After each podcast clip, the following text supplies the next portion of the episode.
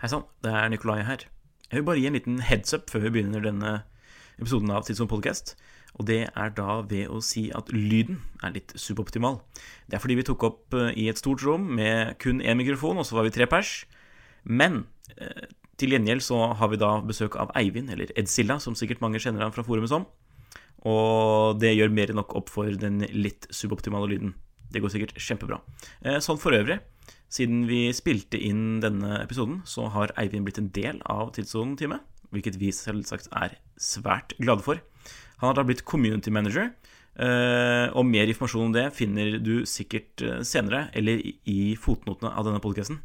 Men ja, når vi har, da har vi gjort unna det. Da tror jeg vi egentlig rett og slett bare kan sette i gang episoden. Go. Her er du kommet til enda en episode av Tidssonen podcast. Denne gangen er vi ikke i Fredrikstad, vi er ikke i Oslo, vi er ikke i Sveits heller, men vi er i Moss. Fordi vi skal besøke en tidssonebruker som er uh, godt kjent. Og vi skal intervjue litt, prate litt, dele historier og rett og slett bare kose oss med klokker. Uh, du hører på meg, Nicolay Giel, og jeg har med meg Jon Henrik som vanlig. Men spesielt for denne gangen er at vi har med oss Eivind, aka Ed Silla, fra forumet. Uh, Jon Henrik, kan ikke du fortelle hvordan vi kjenner Eivind? Jeg kjenner jo Eivind som en mangeårig forumbruker på Tidssonen-forumet. Eh, vi husker ikke helt når vi møtte hverandre for første gang. Eivind. Det, det må bli en del år siden da? Ja, jeg meldte meg inn i 2011, og jeg tror det kanskje var i 2012. Ja, like etter. Så, så vi har kjent hverandre en stund. Eh, litt morsomt, det kan vi kanskje ta litt om senere. Det er jo, jeg var jo aktiv skater når jeg var eh, i tenårene. Og husker jo navnet til Eivind da, eh, ganske, ganske mange år før dette med klokker og sånn kom opp. For Eivind var jo også redaktør for et, eh, et av Norges beste Eller Norges beste skateboardblad, vil jeg si. Uh, men det kan vi jo snakke litt om kanskje mm. senere. Ja, hvordan var det du, eller Hva var det som trigget deg til å registrere deg på forumet? Ja, hva skal man si? Jeg hadde jo kommet over tidssonen helt tilfeldig. Jeg var vel og googla noe klokkeforum eller noen klokkemerker. Og så var det via to kompiser som tipsa meg om eh, tidssonen. Um, og Da brukte jeg det egentlig som et oppslagsverk og søkte på klokkemodeller. Og så var det jo markedspriser da, for å få litt forståelse av hva disse klokkene kostet når de hadde vært brukt en stund. Mm. Så det var egentlig nysgjerrigheten for å se om det var flere likesinna eh, mennesker i Norge. Ja. Og det var det jo jaggu, for det var ganske bra trøkk der. Når jeg var eh, snikleser i 2009-2010, tror jeg. Litt usikker på akkurat nøyaktig når jeg kom inn, men det var jo i det momentet der. Og så var det når jeg skulle kjøpe min første klokke, at jeg måtte registrere meg for å kunne melde meg ut og vise min interesse for å kjøpe noe. Ja. Og straks etter så fikk jeg jo kontakt med Skjuli og et par andre. Men det var vel Skjuli som var den første som jeg var i direkte dialog med angående kjøpet av min første Rolex. Mm. Så det var Rolex som var liksom det første ordentlige klokka den gangen? Eller var det noe før det som liksom du kan huske godt? Nei, altså jeg har jo hatt en Speedmaster som jeg arvet uh, av min far, som han kjøpte som en 15-16-åring, som jeg fikk til min konfirmasjon. Uh, det var min første ordentlige kjærlighet for klokke. Mm. Uh, før det så hadde jeg en, en Certina DS, den som ligger der, den lille der, som mamma fikk av sin far, som jeg fikk av min mor når jeg var seks. Men jeg hadde ikke noe forhold til den utover det å se hvor mye klokka var. Men uh, når jeg da meldte meg inn i Tidssonen, så var det egentlig ja, både fordi jeg hadde fått en ny jobb, jeg hadde litt penger mellom hendene og hadde lyst til å kanskje poppe den første Rolex-bobla for min egen ja. interesse. Men det tok ganske lang tid før jeg kjøpte min første Rolex. Det, det var ikke gjort med, med, en måned eller to. Det var en lang lang prosess, og jeg måtte prøve mye forskjellig. Ja, så det var som liksom med mange andre at man liksom har lest forumet kanskje to-tre år, ja. og så tar du liksom det store steget og registrerer seg og liksom starter kjøpinga for, for real. ja. gøy. Men da brukte du alltid liksom klokken når du var eh, ung? Du ja, jeg har jo bilde oppe som jeg kan vise på rommet til dattera mi. Der er jeg seks år og har på meg sixpence og har på meg Sertina. Og da var jeg seks år. Er det det som er eh, ja. avataret ditt på forum? Det er det. Ja. Så de som er interessert i å, de som hører på, kan jo gå inn og sjekke. Så der kan man altså se bildet. Ja, jeg tror jeg posta bilde med bilde av klokka. Jeg holdt Ordentlig research for vissene. Så. Men da hadde jeg en hvit rem. Nå har den åpen kalverem. Men eh, nei, jeg har alltid hatt klokke på armen. Og når jeg var ni år, så fikk jeg en Sertina seilklokke med regattafunksjon. Mm. For da hadde jeg begynt å bli litt mer interessert i seiling, for vi har alltid familien. Ja. Uh, og etter det så var jeg innom en Seiko-kronograf, uh, som jeg har også oppe på i garderoben oppe. Så jeg har hatt alltid klokker og alltid hatt interesse for klokker. alltid drømt om klokker. Men jeg har følt at jeg har vært veldig aleine om det. Ja. Og sånn der Jeg sitter alene i en krok og blar i blader eller kataloger. For Før så var det jo ikke noe klokker på internett. Og når jeg fikk internett i 596, så var det jo ikke noe forum for klokker. I hvert fall ikke på norsk. Ikke på norsk. Men det kom senere. Men uh, Tidssonen var liksom eh, Kall det et uh, AA-sted. Så man kunne komme inn og, og ikke bli gjort narr av. For man ble jo sett på som litt spesiell hvis man brukte mye penger på klokker. Om, om det var en plastikklokke eller om det var en ordentlig mekanisk klokke i stål. Så, så var det liksom litt snobberi, da. Og så har det bare ballet på seg siden du registrerte deg. for å si det sånn. Ja, det har ballet på seg, men før jeg registrerte meg, så kjøpte jeg faktisk en klokke som jeg ikke har på bordet her nå. Det var til uh, 18-årsdagen min. Det var en uh, triple date uh, Speedmaster Reduced som jeg selv betalte eh, halvparten av klokka, og mor og far sponsa resten. Det var på Bjerke for øvrig. Men da var jeg også ganske aleine. men uh, snøballen begynte å rulle for fullt i 2012, det, det må jeg si. Ja. Og det, det har vært en sånn kløe som man ikke kommer over. Selv om noen ganger så, så er det mye sterkere, og man bruker mye mer tid på det enn andre ganger. Så interessen din har liksom utviklet seg i det nå, og det kan man liksom følge gjennom. For du har jo en ganske profilert tråd Ja. som startet som eh, høstdepresjonen eh, med tanke på klokker. Ja, men det var en seriøs depresjon. Fordi jeg tror veldig mange klokkeinteresserte Jeg vil ikke si at de er en klokkesamler eh, per definisjon, og det tror jeg veldig få mennesker skal få lov til å kalle seg egentlig. Fordi mm, vi har jo begrenset med tid og ressurser. Ja. Og når man på en måte har rulla eller runda Rolex-katalogen et par ganger og prøvd veldig mye og, og sett hva det er, så så, så, så faller interessen for selve det mekaniske håndverket litt bort. Ja. For Rolex er jo veldig røft, og det er jo bokstavelig talt en eh, bruksklokke som skal brukes i sitt rette element, selv om det ofte er jo et moteprodukt òg. Så jeg var jo egentlig på vei til å tenke at jeg skal ta pause ordentlig og bare legge det bort for en stund. Og bare beholde de klokkene som har refleksjon for meg, som Speedmasteren og Sertinaen og et par andre. Eller skal jeg virkelig gjøre det jeg har lyst på? Og, Og det betydde å gå inn i noe helt annet enn Rolex, på en måte. ja, det er å gå inn i den independent verden. De uavhengige. Og de uavhengige er ganske mange, men de, de er veldig små. Eh, De har jo selvfølgelig en liten klubb eh, for sin egen interesse. Eh, Så man kan jo gå inn der og titte og se liksom hvem som er de forskjellige urmakerne bak de forskjellige merkene. Og via en eh, annen tidssonebruker som kaller seg Wizard 6, eh, så begynte vi å chatte litt om, om dette med independent. Og han hadde møtt da Kari Voigtaland, og han hadde også møtt eh, Jeg tror kanskje ikke han møtte Francis Paul, men han visste godt hvem Francis Paul Jordan var. Og da fikk jeg tenning. Nå får jeg faktisk gåsehud. jeg. Så det er ting som ligger hjertet mitt nært. Eh, og dette her var jo da jæklig spennende, fordi han var jo en levemann, sånn som jeg liker. Altså han, eh, han lever livet sitt, han drikker gode viner, han eh, lever kanskje litt utsevende. Ikke at jeg gjør det, men man kan jo drømme om det. Eh, og på en måte gjør ting på sin egen måte, uten at folk skal si at det, det er her det som gjelder. Så han har en veldig tydelig signatur på klokkens skive. Eh, historien bak kassa, bestene Altså alt er på en måte veldig han. Og jo mer jeg leste, jo mer fikk jeg interesse for det, og begynte også å komme litt i kontakt med forskjellige forhandlere. Eh, og så har man jo Instagram, som da er fin kilde til inspirasjon.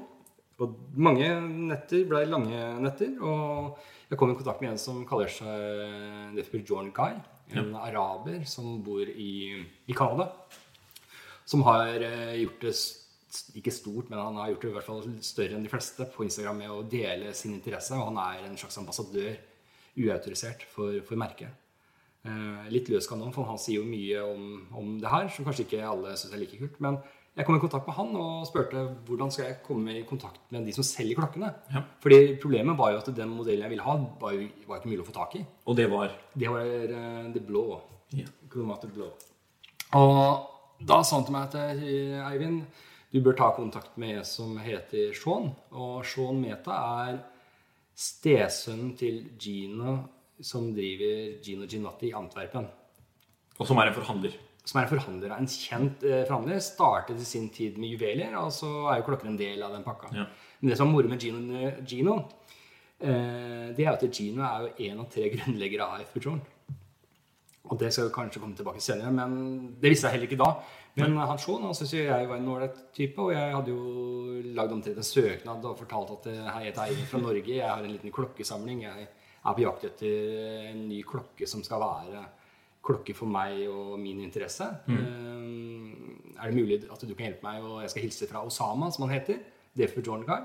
Og det syntes han var jæklig kult. Og en eh, liten PM på Instagram førte til en lang samtale som er blitt et langt vennskap.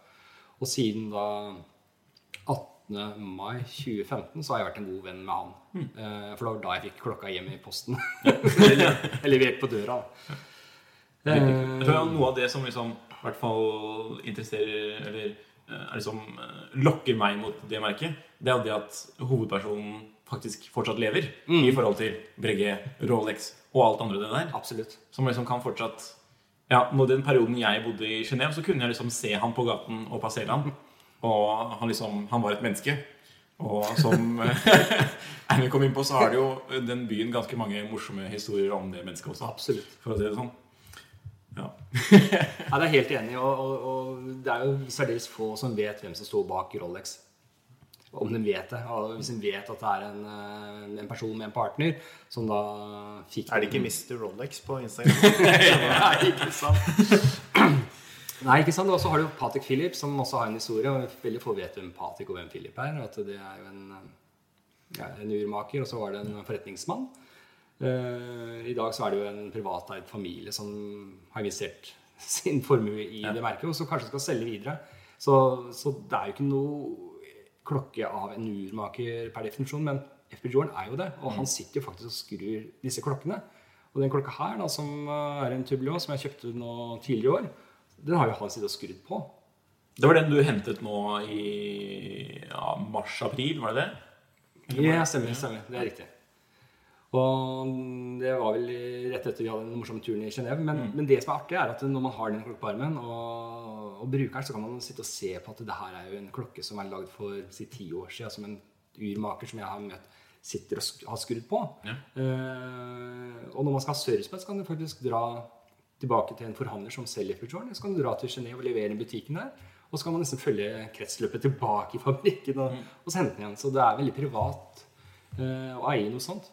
Og jeg tror ikke du får det med å ha en Rolex på armen, selv om den klokka har vært eh, noen hundre meter ned i vannet av en, eh, en oljearbeider, eller om den klokka har vært om bord på et fly og heter det Breitling. Jeg tror, tror, det tror man må virkelig ned i de små, mindre merkene for å få den følelsen. I hvert fall for min del. da. Og prislappen, den, det er jo ikke der det ligger. Det er heller hva som er lagt ned av tid og ressurser for å lage noe så perfekt. Men det er, kanskje, det er kanskje ikke noe man ser ved liksom, det blotte øyet eller på f.eks. den blå. Men når, du liksom, når vi hører på deg snakke her, når du tar de nærmere øyesyn, når du får deg en lupe, eller bare, rett og slett bare ser på baksiden, så åpenbarer det seg jo en, eh, en helt ny verden på en måte Absolutt. innenfor klokkeinteresse og eh, ja, generelt håndverk. For det. For å sette sånn litt i perspektiv i forhold til lytterne, hva, hvor mange klokker produserer FB Jordan ca. i året? Vet du det? Ja, altså De offisielle tallene ligger mellom 800 og 900. Eh, 2019 som vi er i nå, er et ganske vanskelig år fordi eh, veldig veldig mange vil ha blå, og de har et problem med å lage den skiva. Det er jo den billigste klokka de har, men det er den, den klokka de bruker mest tid på, i hvert fall når det gjelder skiva. Eh, de lagde store batcher før, nå har gått ned til 12 av 12. Og av de 12 så er det ca. sies det, i hvert fall det jeg fikk gjøre, er mellom to og fire som går gjennom kvalitetskontrollen. Eh, Så produksjonen på den nå ligger vel antagelig til å ligge på mellom 40 og 80, sies det. Klokker i året. Ja, av, av blå. Og når det gjelder totalt eh, av alle modellene, så er det mellom 800 og 900. Ja. Jeg vet ikke om de klarer 900 år, men det er heller ikke noe mål i seg sjøl for dem. Og sammenlignet med Rolex så ligger jo kanskje Rolex på ja, Det er jo litt vanskelig å si, men, men, men et sted kanskje mellom en 600 000 og 1 million klokker i året. Ja, Som var veldig sånn røft, men, men Så det setter jo ting litt i perspektiv. Det gjør det. Um, klokker, det er Begge deler er klokker. Og du har jo også begge deler i, eh, i samlingen din. Absolutt. Men det er to vidt forskjellige tilnærminger. Både Ja. kanskje fra, fra et produksjonsståsted, men også litt sånn i forhold til som en entusiast. Man, man kjøper det av litt ulike årsaker. Ja. Nei, altså, jeg, jeg, jeg vil ikke si at en som kjøper Rolex, ikke er en uh, veldig interessert uh, eller en, en person som er veldig interessert i klokker og, og horologi. Altså Det kan både treffe den som er motekorrekt, og den som på en måte er en nerd innenfor horologi. Men eh, jeg tror de færreste ville gått og kjøpt en FB Jordan hvis de ikke virkelig er interessert i klokker. Og da kan du også kanskje dra den samme tankerekken til kunst. En ting er å kjøpe da populære street artist-trykk, gjerne digitale trykk, som koster ganske mye penger. Eller enn de som kjøper da et uh, maleri eller et håndkolorert uh, litografi av en kanskje en helt annen type kunstner. Men så har jo FP Jordan liksom steget litt i, i eh, interesse sånn utad også. Absolutt. Spesielt siden i hvert fall du kjøpte de første. Ja. Jeg hadde jo vært en god ambassadør for, for, for merket her i Norge. Men eh, nå viser det seg at det har jo vært noen flere som har hatt eh, interesse for Eiffeltårnet før jeg tok med, eller fikk min hjem. Eh, og det er litt artig, fordi Norge er jo et lite land, og mange kjenner eh, noen, og sammen kjenner vi mange. Og jeg vet i hvert fall om seks stykker som har eh, kronometer blå i Norge. Men de fleste av de har jo solgt den videre. Og det syns jeg er litt synd. Men det er jo litt fordi at livet kan jo endre retning, og interesser kommer og går. Men for merkets eh, sin del så har jo også prisen på bruktmarkedet skutt noe veldig verre siste halvannet året. Og det syns jeg er litt synd, fordi at eh, interessen handler ikke om hva det koster. Interessen er hva det gir deg av å ha den på armen, og hvilke turer du har vært med på. Den her har jeg vært med på to fotballturer til London og sett på Millwall. Og her om dagen så, så jeg faktisk at jeg hadde fått en liten merke på ene luggen. Og så tenker jeg først at fasen, det Det heter var- remfester. Ja, remfester. Horn. Horn. Og jeg tenker at det er jæklig synd. Du ser den faktisk der. Klokka fem. Og så har han vært på hostell i London for The Generator som var gamle barndomskompiser. Og vært med på masse morsomt. da. Så tenker jeg at det er jæklig kult. da. Istedenfor at jeg skal begynne å gå rundt og sutre at han har fått et merke. Men ser jeg f.eks. på speedmasteren min som jeg fikk til konfen, så har den vært jorda rundt sikkert et par ganger. Den får jeg gåsehud igjen, sier jeg. og den har jeg tryna på skateboard noen ganger, så Besseren har jo noen bruk der, da. Men gjør det nå? Det er jo bare kult. Ingenting. Nei, ab- ab- absolutt. Og det, sånn er det med gamle Rolexer. Det forteller en historie. Og med en gang du fjerner sånne ting, så fjerner du egentlig hele grunnen til å eie den klokka. For den klokka skal være med på masse morsomt. Og hvis ikke den blir med meg seks fot under den dagen jeg leverer inn håndkle, eller kaster inn håndkleet, eh, så skal i hvert fall barna mine få lov til å låne den eller bruke den. Hvis de har glede av det. Fordi den klokken der jeg forteller meg en historie og minner meg på den tiden jeg da brukte masse tid på tidssonen, kom i kontakt med noen folk på Instagram, kom i kontakt med forhandler osv. Og, og den historien der kommer til å bare bli skrevet mer og mer på. Altså Det blir jo en liten bok. Det er mye av sjarmen med klokker også. At det liksom kan være et uh, memento for oss alle. På Ja. Og det gir oss på en måte sa jeg på en måte ganske mange ganger. Men at det gir oss en slags udødelighet. Ja, det gjør det. Og jeg vil si at hvis jeg hadde gått i butikken i dag og kjøpt meg en Speedmaster Professional med plexiglass som den her har, med en nyere oppdatert lenkelås, så hadde ikke jeg fått den samme feelingen og affeksjon for den, kanskje, som jeg har for, for den min gamle. Og sånn er det også med Blauen, at den har på en måte spilt en så viktig historie i min interesse for, eh, for horologi og klokker. Um, at den kommer jeg aldri til å selge, uansett om den nå kanskje kan gi meg kjempeglad avkastning. At jeg får en dobbelt av det jeg betalte for den gangen. Men det er jo noe mer. Og, og igjen, igjen så er det litt artig å ha en klokke som ikke alle andre har.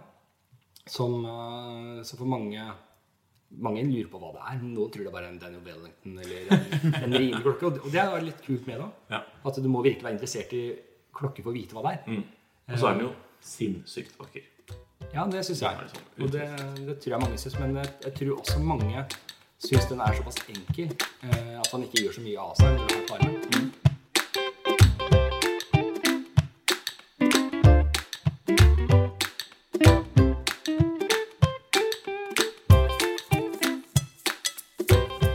Jeg fikk jo en gledelig eh, eh, hos uh, F. George sin skive- og kassefabrikk, så jeg fikk jo sett hvordan de lager de skivene. Og det er faktisk airbrush. De har en fantastisk polert eh, skive som black polisher. Ja. Og så legger de på det var snakk om 13 lag, men jeg tror det er faktisk er flere lag. Jeg vil jo ikke si hvor mange lag det er. Så bygger de opp den skiva. Og så trykker de da tallene med sånn pute, silikonpute. Ja. Og det er vel tre eller fem ganger de bruker for å få bygd den opp. Mulig man har endre noe teknikk nå.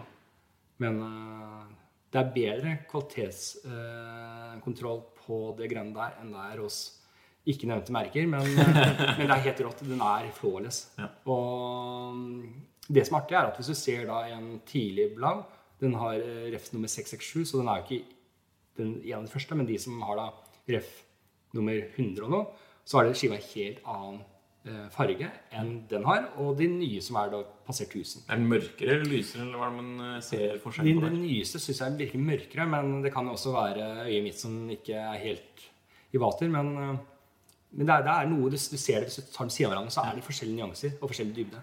Jeg vet ikke hva som er det peneste og hva som er det beste, men det er i hvert fall ikke likt. Et tegn på at det er laget av mennesker, i hvert fall. Absolutt. Det er en, eh, det er en person som står og med en airbrush og spruter på den skiva eh, i et lite kammer med lim på tre sider for å fange opp eh, partikler med undertrykk så det holder.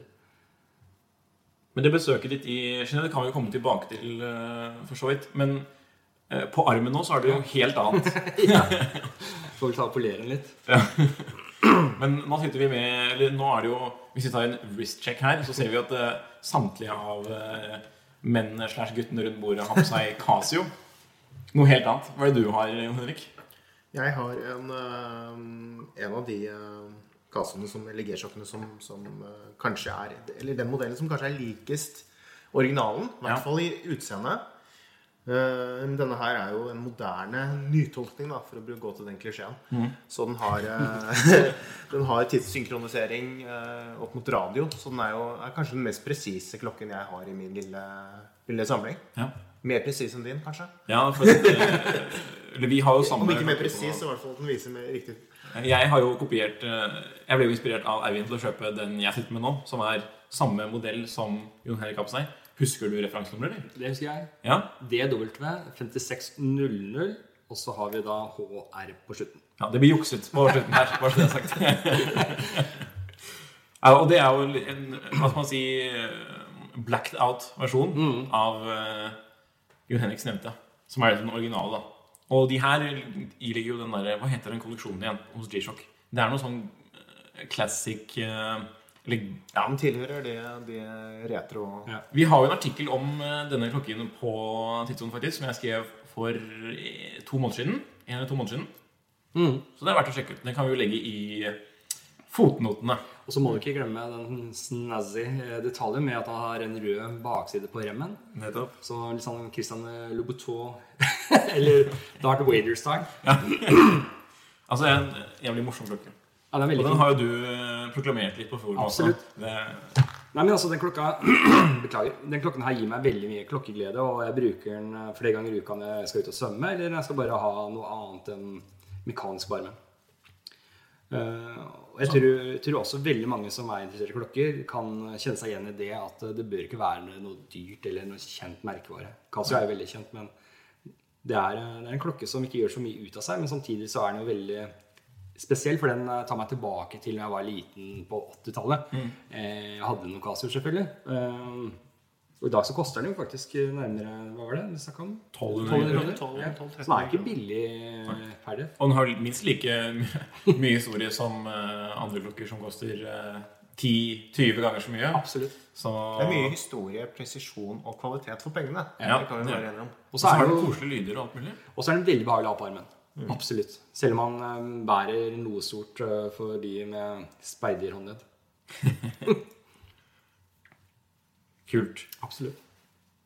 Men du har jo, vi sitter jo liksom rundt et bord nå, og så har du med eh, to bokser med masse forskjellig. Ja. Eh, siden, og siden dere som hører på, ikke kan se, så har vi jo kommet til å ta bilder av dette, her, så dere får se mens vi snakker om det nå. Ja. Men kan du ikke ta oss gjennom det vi ser på? på Jo da, jeg kan jo starte litt kronologisk med, med hvilken klokke som kom til hvilken tid. Ja. Um, og ikke alle her har veldig mye affeksjon for meg, men, uh, men de har en historie å spille, eller fortelle. Og det er det første her er jo min lille, bitte lille Sertina DS. Som du refererte til tidligere. Som jeg refererte tidligere, som var min første klokke som jeg fikk i seks år eh, sirkus. Og det er altså en DS med dato. Litt sånn turtle-aktig Ja, kasse. Cushion case. Cushion case. ja. Puteformet. Kan minne litt om disse doxene som er blitt veldig populære nå i dag. Ja. Eh, Så det var den første. Og så, etter det, så fikk jeg jo da Speedmaster.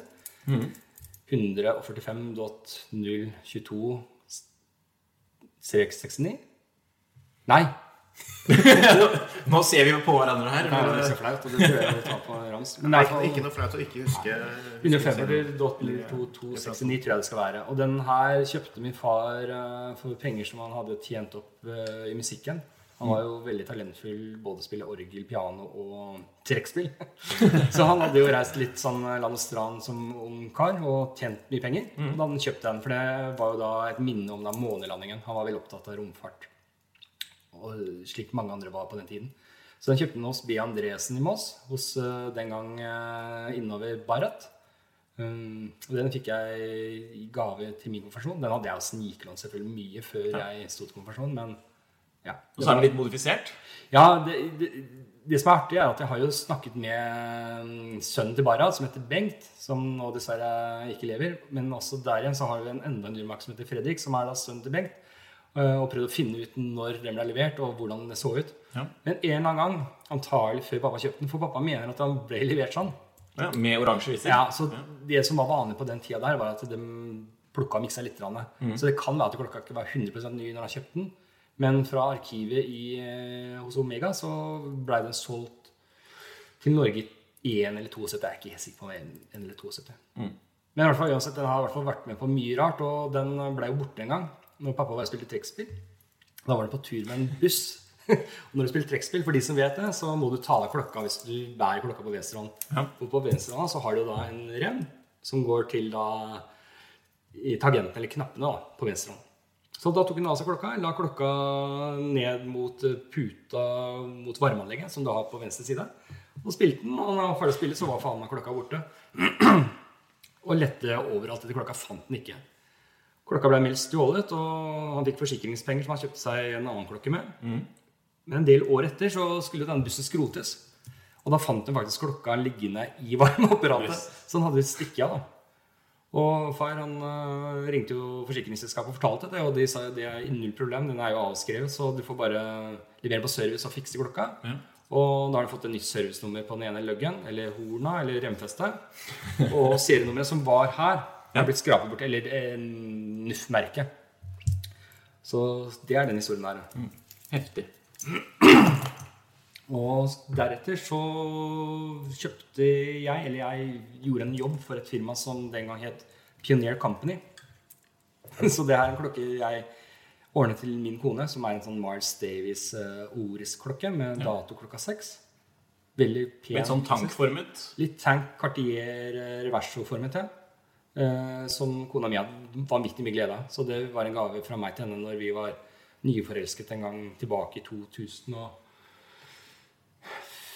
2004, 2004 var det. Så den er kul.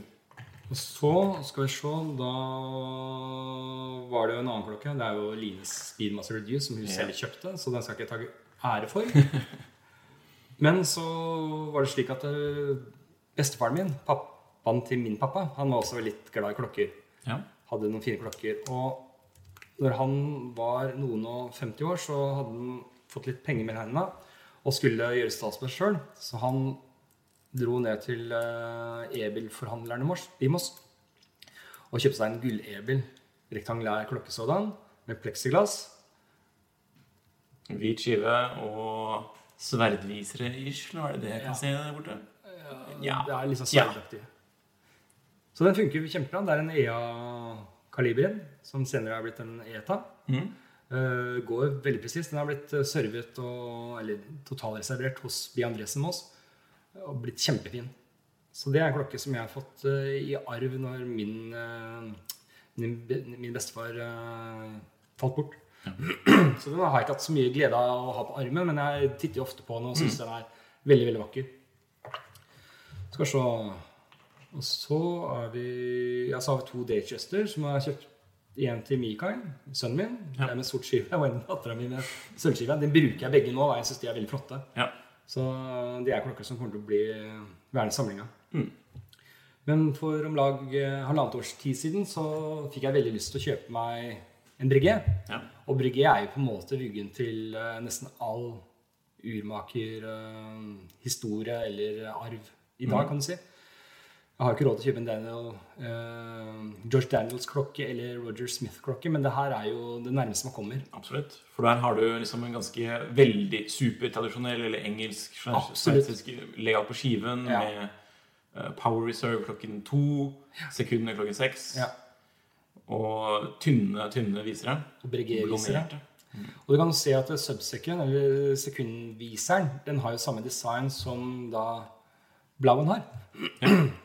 Og der er jo liksom FB Jordan, da. Så du kan se på en uh, FB Jordan at du har litt Breguet. Og det er jo litt av det vi også ser igjen hos veldig mange egentlig av de fristående urmakerne. Veldig mange idoliserer jo Breguet. Selv om andrehåndsmarkedet tar livet av økonomien på Breguet, uh, så spiller det ingen rolle for min del, for det her er jo en klokke som, som er så tidløs og så korrekt og så behagelig å se på. Så for min del så er det et kunstverk. Eh, kanskje ikke den mest behagelige klokken på armen eh, pga. de lange, rette løgsa. Men de lange, rette løgsa som er påsveiset kassen, er så nydelig. Eh, Finishen på urverket er kjempebra. Det er jo ikke Patek eller Alang og Søne-finish, men det er eh, nydelig. Og så har du en skikkelig sprek reim på den også. Ja, og det er jo noe av det morsomste med disse klokkene med remfester. Det er at man kan jo da bruke litt eh, kreativitet og litt tid på internett og finne de forskjellige produsentene av remmer. Og du har en favoritt der. Det har jeg absolutt favoritt, og det er litt tilfeldig. Det var vel eh, forhandleren av FP Jordan i London som fortalte meg at eh, dra ned til Jean Rousseau i Piccadilly Arcade og snakk med en hyggelig dame der, og de kan lage den remmen du måtte ønske. Og kvaliteten på de er helt, helt magisk. Du får det akkurat som du vil. Du kan få tykkelsen ved remfestet tjukkere enn ved C-spennen. Du kan få platina-sting, som jeg har på den ene klokka her.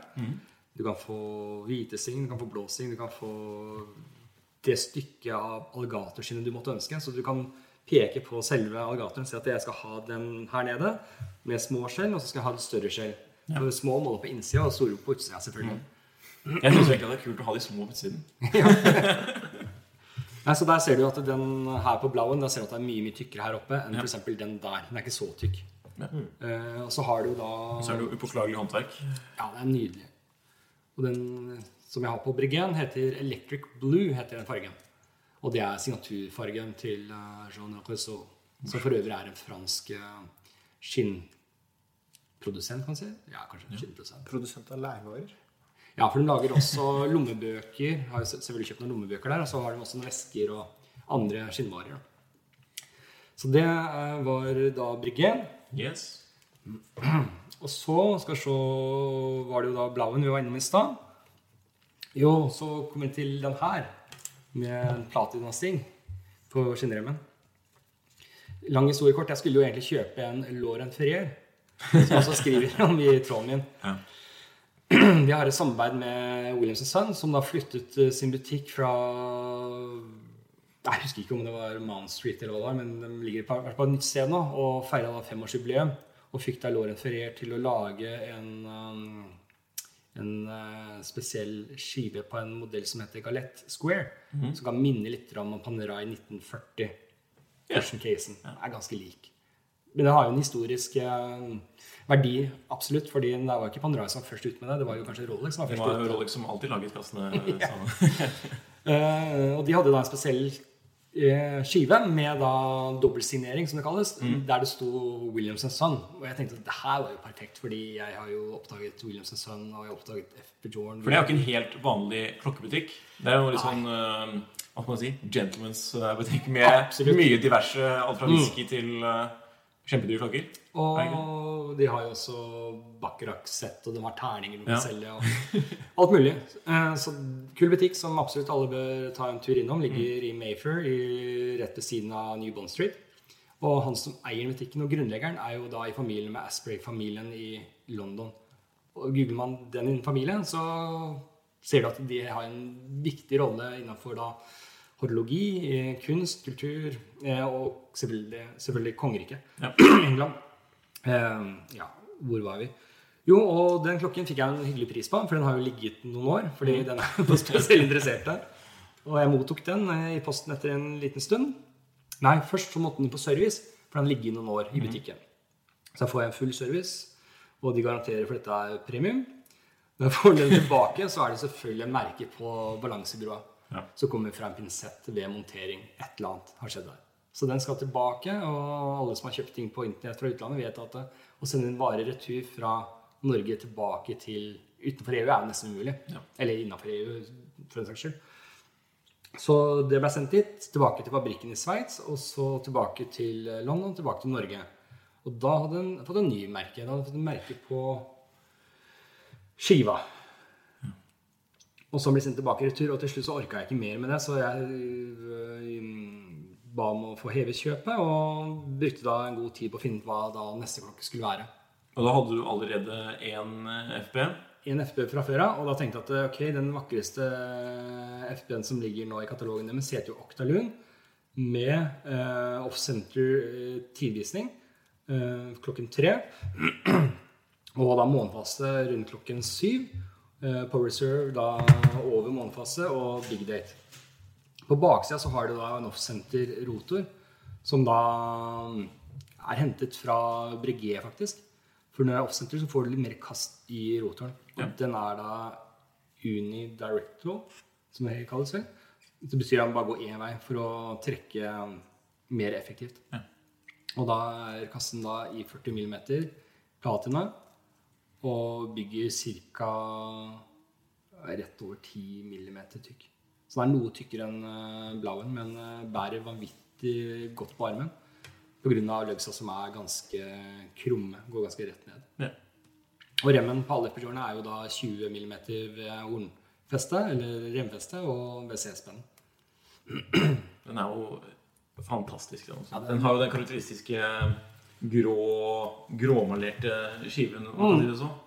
Det er en såkalt oksidert skive. og du har veldig mange lag. Eh, Hvis du starter med time minuttviser og jobber deg nedover, så tror jeg vi er oppe i jeg tror det er syv, seks eller syv lag. eller. Og det her er jo faktisk, Vi snakket jo om, så vidt om Panerai tidligere. Ja. Og de hadde jo på noen av sine tidligere så skrudde de fast skiven eh, på med skruer. Og det har jo FB Jordan gjort her også. Og det har blitt en del av hans signatur.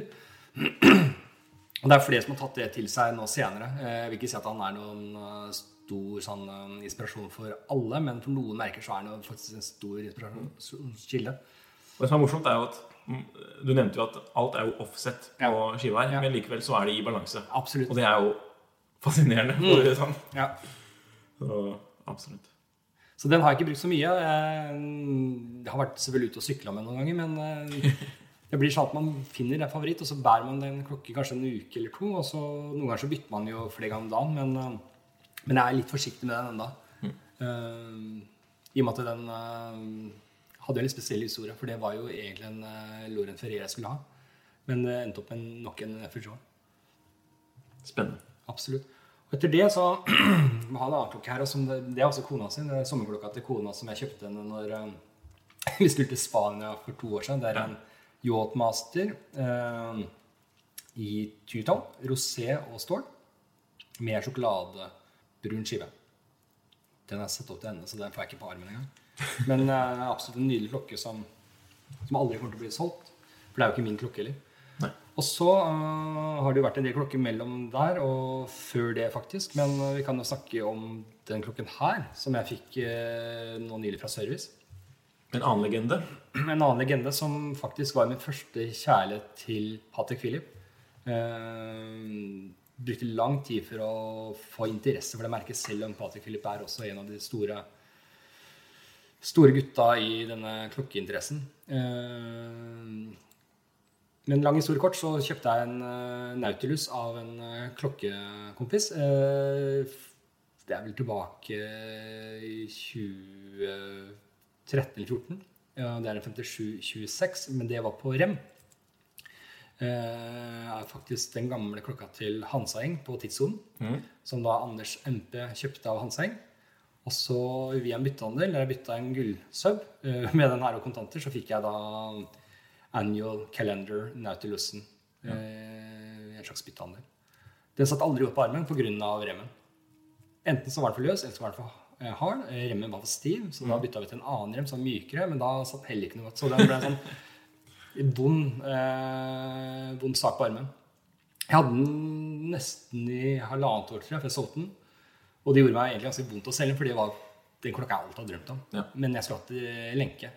Og den gangen så var det faktisk ventelister og interesselister og, og søknadsprosesser og opptaksprøv for å helt tatt komme på ventelista til Patek. Eh, både i, i Norge og i utlandet. Så jeg avskrev den ganske momentant. Men eh, så er jeg så heldig at jeg fikk lov til å komme på en venteliste for en, en del år siden. Og da signa jeg opp for den her. Og den fikk jeg da i august i fjor. Ja. og litt uhell så klarte jeg å ødelegge datoen på den, så den måtte jo tilbake til service. Og den henta jeg ut nå, eller henta jeg hos Bjerken og forleden. Kjempefin klokke, men den må tilbake en liten tur igjen, for det er lite støvkorn på skiva etter service. Ja. Så, Du har ikke vært så heldig med nei, det, men det, det gjør faktisk ingenting. Egentlig så kunne jeg egentlig bare gi blanke i at det er søkorn, for jeg har en søkorn på den her òg, men den er blitt borte nå plutselig. En av Oyster eh, Datejusten, Ja, ja. Eh, Det kan hende du ser det nå, men jeg tror han ligger kanskje under en av viserne. Men eh, det er en enkel sak, smal sak å få fjernet det søkekornet. Ulempen er når du åpner en klokke, eh, så er den veldig sårbar mot andre fremmedlegemer. så kanskje du får et støvkorn til, eller kanskje du får eh, noe annet på den. Så jeg vet ikke om jeg helt skal gjøre det eller ikke, men vi, vi får se. Kanskje støvkornet er borte i løpet av uka. Det tror jeg generelt er litt, det er litt morsom tematikk, og noe som sikkert har ført til en del tilpasninger i bransjen, sånn i forhold til toleranser og Ja. støvkorn og sånn, hvor mye mer Mm. Vanvittig fokuserte samlere og Ja. klokkeentusiaster har blitt på det. da. Ja. Og, for der er det jo også litt sånn Det er litt sånn Det er litt marginer da hos, hos de ulike prosentene. og Selvfølgelig det er større marginer Mm. Ja, ja, hos de eh, i lavere prisklasse. Mm. Så man slipper sikkert merkene slipper sikkert unna med veldig mye mindre nå enn Ja. det de gjorde for kanskje 10-15 år siden. Ja, eller bare for noen få år siden, vil jeg si.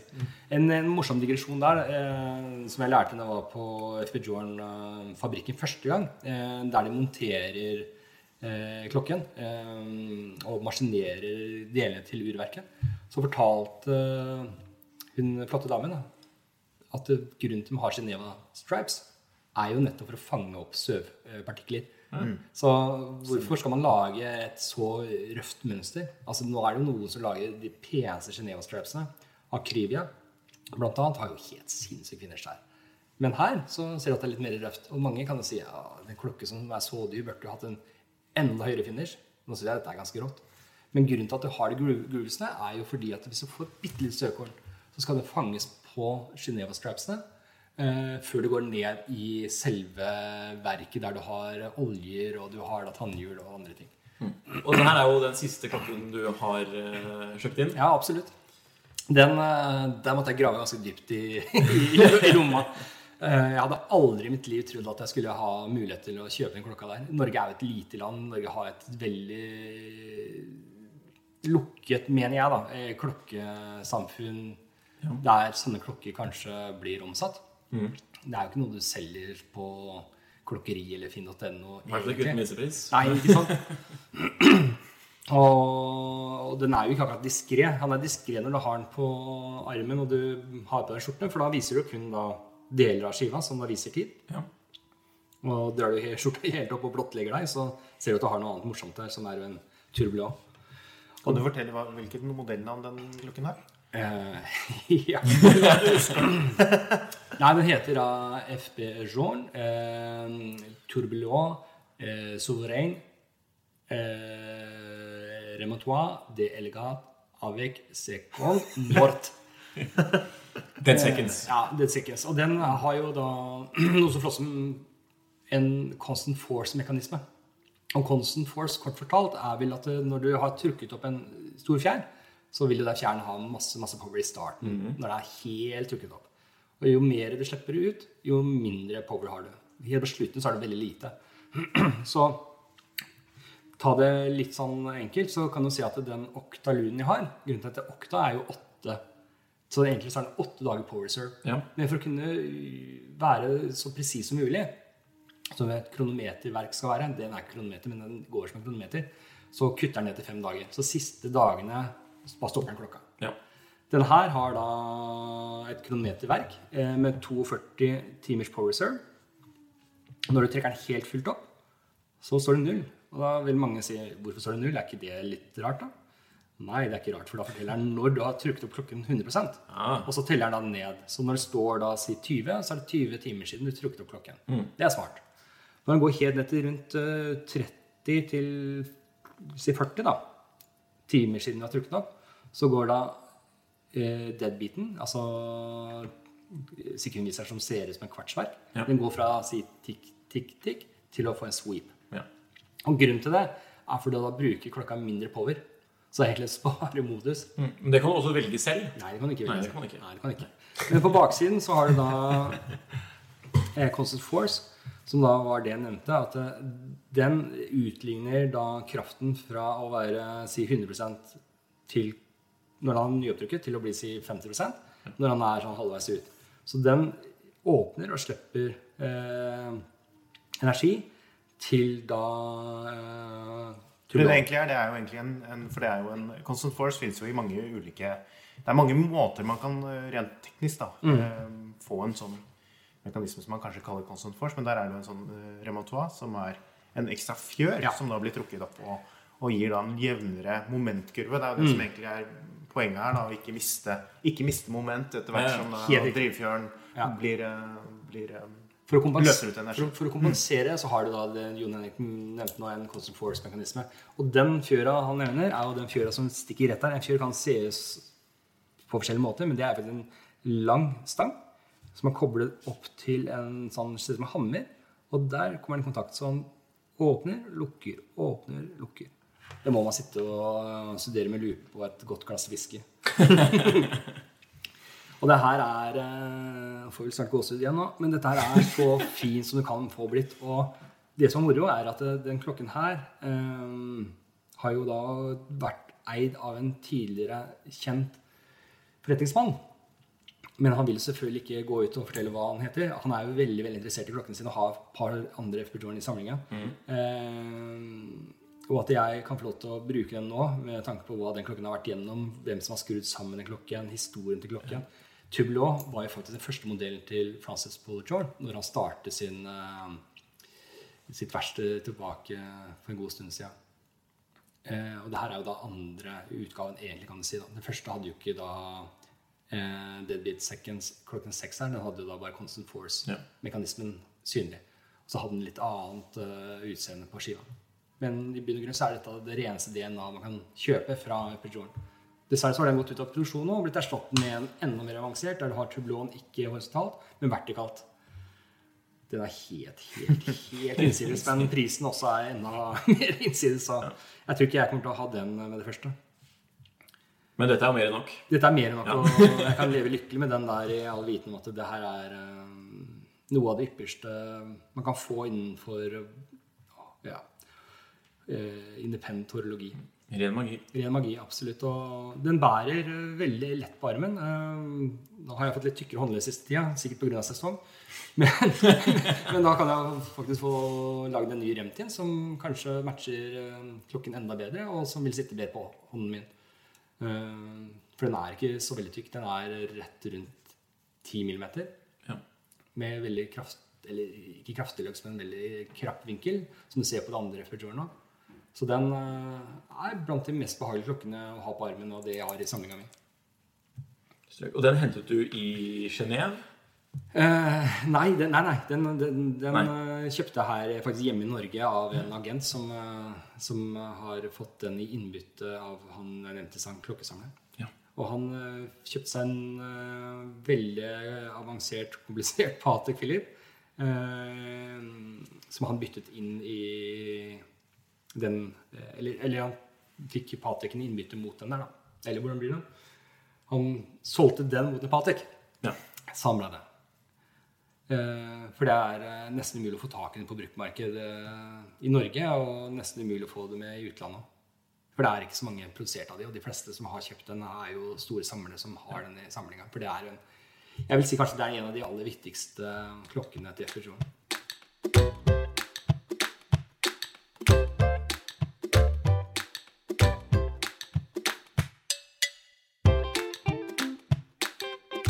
Har hatt æren av å møte Ja. selveste, selveste ganger òg. Det har, vi Jeg og en eh, veldig god venn av meg, eh, Andres, som også er en god klokkesamler, han kaller seg Andres På forumet. Ja, det er Andres på forumet. Eh, veldig hyggelig kar. Vi bestemte oss for å ta en tur til eh, Genéve. Eh, jeg har vært der noen ganger, men eh, nå hadde vi jo skikkelig tettpakka program med å besøke flere eh, urmakere. Og vi har også et lite event som var der nede, der vi møtte Spanish Rob, som er jo kjent fra sosiale medier. Eh, dagen etterpå skulle vi på kassefabrikken og skifabrikken til eh, fru Jorn. Eh, og fikk guida tur på de to fabrikkene. Eh, Senere på den dagen så møtte vi jo da eh, to hyggelige jenter som jobber da i eh, Peugeot-butikken. Og fikk sett da på de nye klokkene, annet den nye vertikale turbloen til Peugeot. Uh, og lykkelig uvitende så møtte vi jo deg, eh, Nikolai. Ja. og hadde en hyggelig ettermiddag. Og du blei tilfeldigvis med på en middag som vi hadde booket lenge i forkant. Ja. eh, på en liten perle som heter eh, Why not? Why Not. Ja. Guy heter han som driver den. Eh, Guy Weber. En legende. En legende. Eh, Jeg vil kalle det en bistro. En liten, intim bistro for spesielt Ja. Maks kanskje syv, mellom syv og ti bord. Eh, Ja, det er helt riktig. Og halvparten av borda de er dødt opp til veggen, og så er det to bord midt i lokalet. Lite kjøkken, lite toalettrom og veldig hyggelig intimpersonal. Der det er han Guy og kona og en kokk. Jeg tror kanskje kokken også vasker opp. Jeg. Ja. Så lite er det. For å bare tegne et bilde av den eh, lille bistroen. Um, I Genéve sentrum, altså. i Genéve sentrum, like ved trikkelinja. Vi bestiller da forrett og hovedrett, og når hovedretten eh, akkurat blir servert, så må jeg vel på toalettet, tror jeg. Så jeg går på toalettet, og akkurat når jeg er ferdig å vaske hendene etter å ha gjort mitt, så møter jeg jo samme dama som vi møtte på da Episoren-butikken. Jeg kjente jo ikke igjen henne pga. mitt dårlige syn, men eh, hun kjente meg igjen og sa at eh, hei, jeg vet hvem du er. og jeg, jeg så at du akkurat så over på han mannen som sitter her, og det, det er jo Frances Paul, sier hun. Og jeg sier, ja, det er jo det jeg tenkte. Jeg mente jeg kjente igjen ansiktet hans. Og jeg vet at du er en samler, og du vet at du er genuint interessert her, så det er bare å gå bort og si hei til Ja. Jeg fikk jo litt sjokk da. Han ble jo veldig starstruck, fordi å bare gå over til eh, Messias innen klokker, ja. det er jo ikke det man gjør sånn uten videre. Så jeg gikk pyntelig tilbake på bordet mitt og nikka pent til de, da. For der var det jo Francis Paul og hans eh, date, og så var det da hans niese, som heter Carla, som er eh, halvt spansk og halvt fransk. Drikker meg litt opp, i, opp til mot og hilser pent over bordet og sier til gutta at jeg må gå over. Og gir jo streng beskjed til Nikolai at han skal, må jo filme det her. Må jo dokumentere det. Jeg fikk ikke beskjed om det. Jeg tror jeg sa det, eller gjorde kanskje ikke det. Men uansett, anyway, så går jeg bort og så presenterer meg pent og sier er det mulig å bare få prate et par minutter. Og øh, han svarer på sitt dårlige engelske at ja, det var, det var greit. Jeg setter meg ned siden av Carla og begynner å prate løst, løst og ledig. I starten så var det ikke noe prat om klokker. Det var litt at de var mer opptatt med å snakke om, om sitt, og jeg snakka med Carla. Og det gjør vi ganske lenge før merkelig sett så kommer jeg inn på det med klokker og begynner å fortelle at jeg har en, jeg har en blau, og Ja. den blauen har en spesiell rem, og han var veldig interessert i å se på den klokka, fordi jeg hadde jo den remmen fra Jean Rousseau. Mm. Den grønne? Grønne gateremmene. Som da matcher vanvittig fint til den blå skiva. Jeg har også en burgunderrem. Vet du, når jeg tenker meg rett, så var det faktisk burgunderrem jeg hadde da. Stemmer. Men de er ganske like foruten farge, da. Så han studerer den, og jeg forteller at den er produsert av Jean Rousseau, og jeg kjøper, kjøper disse remmene i England, og han kjenner godt til dem. Så det var noe nytt for han. Eh, og samtidig så sier han har du lyst til å se på klokka mi, da, som er, som er en helt ny klokke. En kronograf med split second. Det en Det er ikke split second, det er en ratapante. Er ikke det, tror jeg? jo, Var det Okta Sport? Ja, det er, i hvert fall noen titangreier. ja, jeg er ikke, jeg er ikke så veldig inter... Nei, ikke Titan, Nei, var- Rosegu. Jeg er ikke så veldig interessert i akkurat den serien der, men den er jo veldig sp- spesiell, da. Ja. Eh, Jeg får jo låne klokka hans og ta bilder av den, og Carla skal låne klokka mi og ta bilder av den, som hun legger ut på Instagram. og Så hadde det gående, og etter hvert så får jeg også drikke litt mer vin med dem, og ble jo sittende der ganske lenge. Eh, Så det, det var kjempe, kjempespennende. Og det som var artig, er jo at eh, Francis snakker jo veldig dårlig engelsk, men fordi han antakelig syntes jeg var ålreit, så pratet han så godt han kunne med sin engelsk. Han er jo kjent for å være litt blyg, Ja. det ikke sånn? Eller i hvert fall, i hvert fall Blyg er kanskje ikke men, men, men litt reservert og kanskje litt Ja, sånn, ja. ja. Eh, Jeg kan jo ikke et eneste Jeg kan noen ord, men jeg kan ikke noen setninger på fransk, så jeg hadde ikke klart å manuere meg der. Men Carla kan fransk og engelsk veldig godt, så vi blei jo pratende sånn litt i en trekant. Og, og han øh, forteller litt om klokker og litt om, om det her øh, den, interessen, da. For jeg forteller jo at jeg er veldig interessert i klokker og følger med på sosiale medier og har fulgt hans utvikling fra, fra de var veldig ukjente til at de har blitt ganske store, i hvert fall i sitt felt. Eh, og det var veldig ålreit. Jeg tror han satte pris på det. Og Carla hun var også litt interessert i det med klokker og litt med Altså, jeg ser jo ikke ut som en vanlig klokkesamler. Jeg kler jo meg ikke i dress hver dag eller kjører i Jaguar. Så, så man møter mye rare forskjellige folk innenfor det her. For dette her er noe som treffer virkelig hjertet til de som vet hva det er.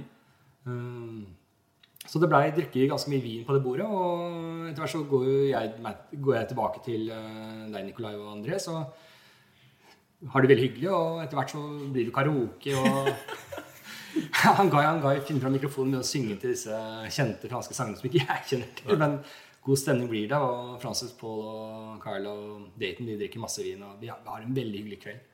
Um, og etter det så har jeg blitt litt kjent med henne på Instagram og delt litt bilder og meldinger. Hun har vært i Norge med Hurtigruta og sett litt på Norge. Så jeg har jo invitert henne hvis jeg måtte finne på å komme hit. Men jeg har jo også tenkt at jeg, man kan jo dra tilbake til Genéve, som vi skal nå senere år. og ta besøke, besøke dem. Og er vi heldige, så får vi sikkert sett dem rundt Only, Only Watch. Så, så det, det kan jo bli en interessant fortsettelse på eventyret. Absolutt. Mm. Det var jo litt av en kveld det var. Det var. Absolutt. Og du fikk jo lov til å synge litt, du òg. De som følger Eivind på Instagram, så kanskje det. Ja. Og de, de stengte vel dørene og blenda vinduene sånn klokken tolv. Og da var det fritt frem for å røyke sigar. Og det, jeg visste ikke at det var så strengt med røykeloven der nede, men det er visst ganske strengt. Han uh, Guy begynte jo å synge at det er ikke lov å røyke inne. Det er ikke lov å røyke inne mens han gikk ut og delte. Ja. Så ja. Annen, Det var litt av å gjøre. En annen ting som er litt kult med det stedet, er jo at uh, Genève er jo ikke kjent for å ha veldig mye god mat. Og jeg har jo spist på en del restauranter både med og uten terninger. Men uh, restauranten her, bistroen her, har vel kanskje den beste maten jeg har spist der nede til en fornuftig penge. Men det råeste er faktisk vinkartet. Har man lyst til å rå, så kan man gå virkelig bananas. Petruser er helt vanlig å få, få rett over bordet.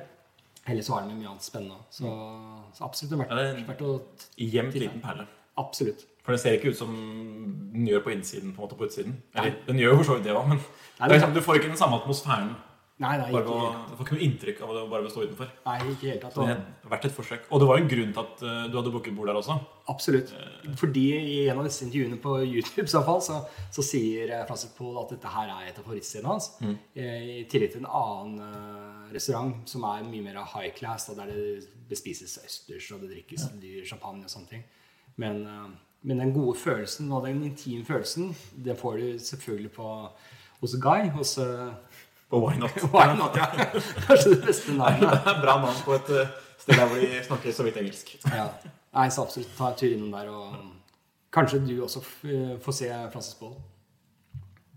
Det var gøy, litt gøy det du sa eh, her, at du, du kanskje ikke ser ut som en typisk sånn klokkesnobb, eller hva man kanskje sånn klisjeen på hva en klokke, klokkesamler eller hva det kan være.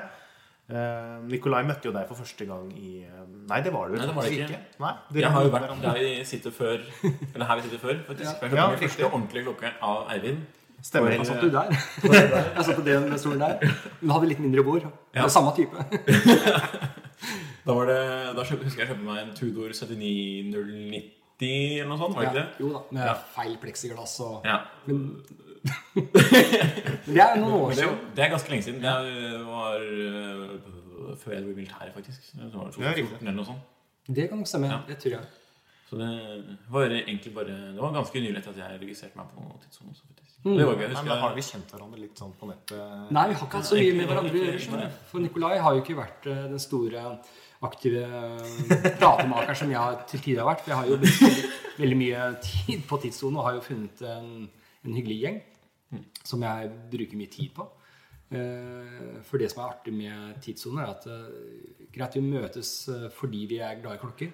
Men Nikolai er jo glad i mye andre arter. Han er glad i gamle biler, glad i mekaniske ting. Han kunne sikkert hatt mye glede i en gammel Leica, tenker jeg. Ja, det har det til tider. Ikke sant? Eh, Så det er liksom mye rundt der blir et totalt miljø. Og og det var det som var artig når jeg kom i kontakt med Nikolai for den turen her. For det var jo helt tilfeldig. Han sa at bare ta kontakt med meg, så kan vi møtes. For han studerer i Genéve. Og jeg kjente jo ikke Nikolai noe selv før, så jeg visste jo ikke hva jeg skulle møte. Jeg trodde kanskje det var samme karen som var 18 år og er på vei til militæret. Men eh, absolutt ikke. jeg skal møte en ung gutt i Genéve. Så, og han, han, Andres han er jo noen år yngre enn meg, men eh, han er jo skyldig eldre. men eh, masse felles interesser og har jo felles eh, forståelse av hvordan verden ser ut. Eh, og klokker er på en måte det som eh, gjorde at du ble kjent en gang i tiden. Men det er alt andre rundt klokker også som på en måte gjør at vi, vi har det veldig morsomt når vi møtes. Men litt mer om den bakgrunnen din som vi var inne på litt tidligere. For jeg kjente, kjente jo til landet ditt Ja. lenge før jeg egentlig oppdaget klokker. For du har jo Hva skal vi si? I dag så kan vi si at du jobber innenfor innen medie, mediebransjen. Jo da, jeg har jo Jeg startet jo på en måte som fotograf en gang i tida. Jeg var veldig fotografspire og hadde søkt utdannelse i Göteborg eh, for å bli fotograf. Noe jeg er glad jeg aldri gjorde. Jeg var vel kanskje ikke god nok for å ta en utdannelse der heller, men det, det kan det samme være. Men jeg har jo hatt glede av å ta bilder. Eh, faren min var jo sponset meg med et bitte lite kjipt kamera en gang i tida. Så fikk jeg jo litt penger mellom hendene som gjorde at jeg fikk kjøpt et litt bedre kamera. Og så hadde jeg jo interesser som da var da snowboard, eh, skateboard. Eh, det var ikke så mange som tok mye bilder. Det var noen flinke fotografer i Norge. Men jeg tenkte at kanskje jeg også kan gjøre det. Kombinere hobbyen med å ta bilder og rulle på brett. Og det, da, ru- da rulla jo ballen, da. Så etter hvert så fant jeg ut at jeg kunne jo tjene litt penger på det, og kom i kontakt med Dagbladet. Eh, Da tok jeg bilder i England på noe som heter hva heter det? Det var sånn Big Air Contest i Battersea Park. Eh, og da tok jeg bilde av en som het Roger Jensastuen, som da var den gangen årets rookie. Kjempetalent. Espen Arvesen var der, og Christian Thoresen og en del av de som var på landslaget i snowboard. Så da fikk jeg tatt noen bilder, tjente noen penger, og så at eh, kanskje jeg kunne få meg et navn innenfor snowboard som fotograf, eh, og skateboard. Og kom da senere i kontakt med bladet Spirit, eh, som da var et ungdomsmagasin med en del ungdomsting, og skateboard var en del av ungdomstingene, så da fikk jeg tatt bilder der. Eh, Playboard, som da var snowboardmagasin primært, og et par andre magasiner. Men så fant jeg ut at det er jo mye å gjøre sjøl, og lage sin egen, eh, sitt eget magasin. Så jeg etablerte da et magasin som eh, da het Nimrod. Og gjorde ting på vår egen måte og var litt sånn rebeller med å ha litt frekk design. Og lagde veldig mye ting analogt. Sånn cirka når var dette her tidsmessig? Åh, skal se 99-2000 Ja. starta vi. Ja. Eh, og da var jo markedet på vei til topp. Og vi hadde jo kjempemoro. Vi gjorde mye kule ting og reiste mye. Og var litt sånn rebeller innafor det med design. Da. For som jeg tenkte å skulle nevne, var at den ene utgaven så brukte ikke data. Vi, alt lagde vi helt analogt. med at vi skrev teksten på kopi, eh, ikke på men skrivemaskin. Noe skrev vi på datamaskin, men vi printa det ut. Og så lagde vi leat med klipp og lim. Og så avfotograferte vi det med store storformatskameraer og lagde en kul greie. Og på forsida der så var det bilde av en, eh, en, en tag graffititegning med tusj. Og da var det en kar som holdt seg mellom beina, så stod det 'Support gay rights'.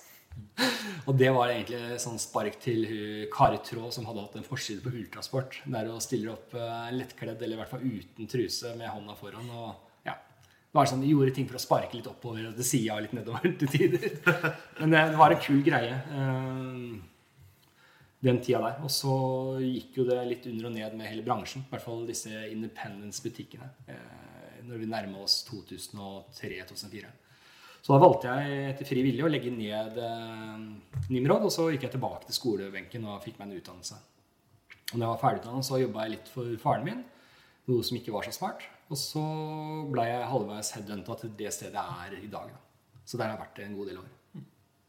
Og det er litt morsomt sånn, øh, for jeg, jeg også kjenner jo igjen flere andre navn innenfra liksom skateboard- Ja. snowboard-miljøet som også i dag har blitt klokkeentusiaster. Så. Den der, den der, det bildet at klokkeentusiaster bare er litt sånne Mm. snobbete med liksom lik tankegang og, og kommer fra samme sted i livet. Ja. Det, er, det stemmer jo ikke helt. Nei, og det som er, det Jon Henrik sier nå, er jo litt kult, for et par av de som jeg var mest sammen med under da Nimrod skateboard-tiden og snowboard, det er jo folk som jeg ble kjent nettopp som skatere som jeg tok bilde av, og snowboard som jeg tok bilde av. Og begge de to er jo på en måte inni den bransjen her. Han ene jobber jo med klokker, eh, og selger klokker og andre klokker. Mens han andre, han jobber da ja, uten å røpe hvem det er, men han jobber med ting som kanskje kan tilhøre et hus og hjem da, innenfor design, dansk design. og han har jo mye med å gjøre, for vi deler jo masse interesser som går utover bare det med klokker.